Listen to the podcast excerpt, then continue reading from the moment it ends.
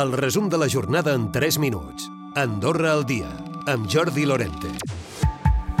No hi ha fumata blanca, no hi ha acord, no hi ha manera de poder resoldre la situació, perquè s'ha trencat el procés de mediació al transport sanitari assistit no medicalitzat. De fet, els treballadors consideren que la proposta que han rebut presenta irregularitats i lamenten que no hi hagi possibilitats de negociar una contraoferta. Avisen que hi ha hagut 14 baixes des de maig i que la situació és crítica i tensa. Precisament, el conflicte al transport sanitari assistit no medicalitzat és un dels primers reptes de la nova secretària d'Estat de Salut, Cristina Pérez. Des del Ministeri no hem rebut cap comunicació oficial envers aquest punt i continuem treballant i nosaltres estem amb el procés de mediació vale? per garantir que aquest procediment acabi el millor possible. Eh, ja us ho dic, no tenim cap comunicació de forma oficial.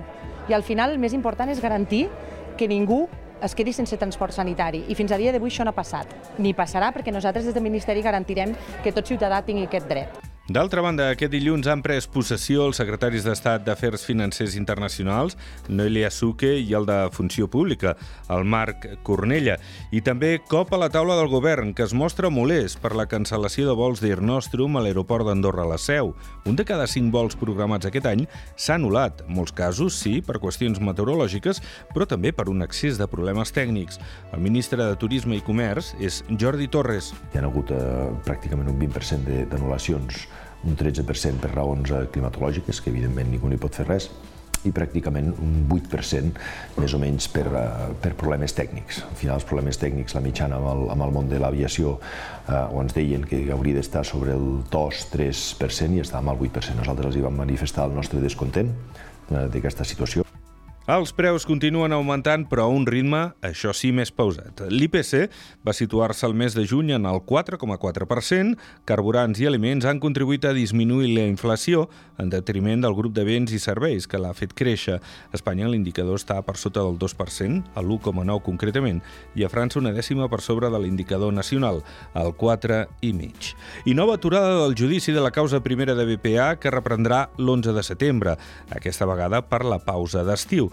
Llavors, hauria de ser el torn de les al·legacions del fiscal, l'acusació particular i les defenses, i es preveu que podria estar enllestit ja a l'octubre. La sentència, segons fonts judicials, hauria de fer-se pública al març del 2024 i s'ha pogut captar la primera imatge en vídeo d'un os a Andorra. Es tracta del segon testimoni gràfic en més de 80 anys. És de Sorteny, d'ara fa un mes, ha estat captada per una de les càmeres de fototrampeig que els banders tenen a les muntanyes. El rastre d'ADN que deixen és fonamental per quantificar la comunitat que passa pel Pirineu. Recupera el resum de la jornada cada dia a AndorraDifusió.d i a les plataformes de podcast.